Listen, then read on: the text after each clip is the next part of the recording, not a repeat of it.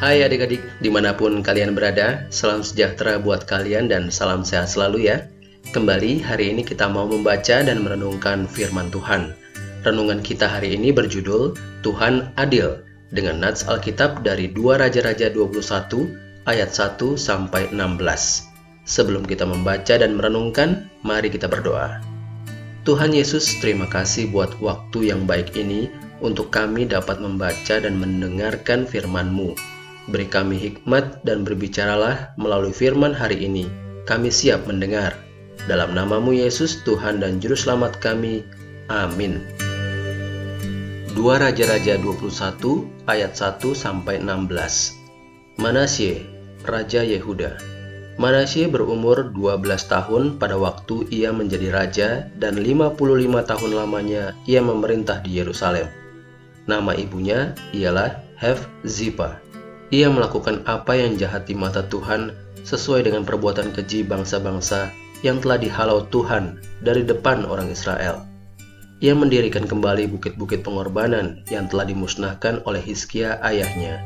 Ia membangun mesbah-mesbah untuk Baal, membuat patung Asyera seperti yang dilakukan Ahab, Raja Israel, dan sujud menyembah kepada segenap tentara langit dan beribadah kepadanya. Ia mendirikan mesbah-mesbah di rumah Tuhan, Walaupun sehubungan dengan rumah itu Tuhan telah berfirman, di Yerusalem aku akan menaruh namaku. Dan ia mendirikan juga mesbah-mesbah bagi segenap tentara langit di kedua pelataran rumah Tuhan. Bahkan, ia mempersembahkan anaknya sebagai korban dalam api, melakukan peramal dan telaah, dan menghubungi para pemanggil arwah dan para pemanggil roh peramal.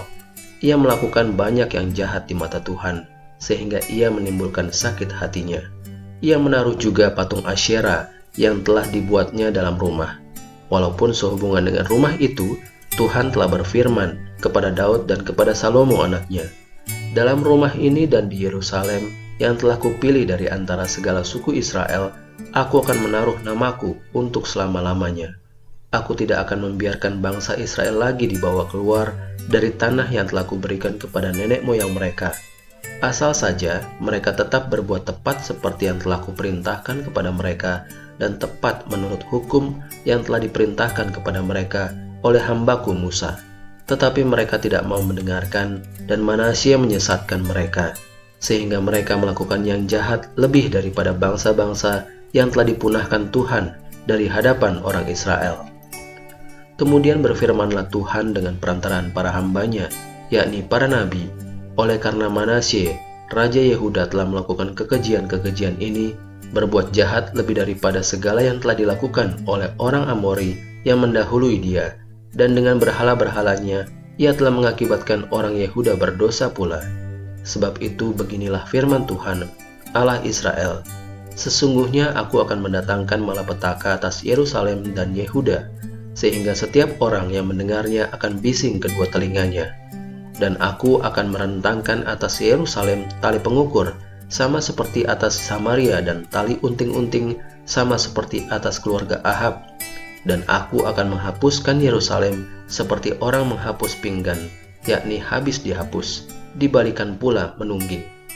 Aku akan membuangkan sisa milik pusakaku dan akan menyerahkan mereka ke dalam tangan musuh-musuh mereka, sehingga mereka menjadi jarahan dan menjadi rampasan bagi semua musuh mereka oleh karena mereka telah melakukan apa yang jahat di mataku, dan dengan demikian mereka menimbulkan sakit hatiku, mulai dari hari nenek moyang mereka keluar dari Mesir sampai hari ini.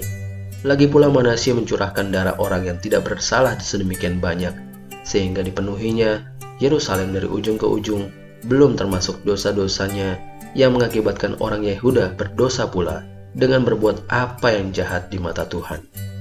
Demikianlah firman Tuhan hari ini.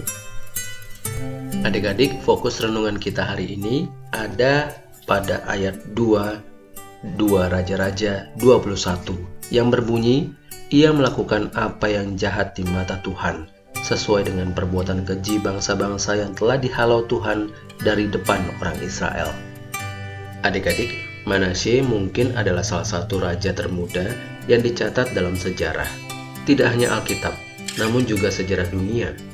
Ia diangkat menjadi Raja Yehuda ketika baru berumur 12 tahun. seperti anak yang baru lulus SD. Raja Manasye memerintah selama lima tahun di Yerusalem.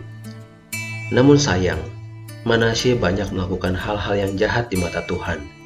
Dia menyembah dewa-dewa asing dan membangun altar pemujaan bagi dewa-dewa itu di bait suci. Bahkan, ia mendirikan kembali bukit-bukit pengorbanan yang telah dimusnahkan oleh Raja Hizkia, ayahnya.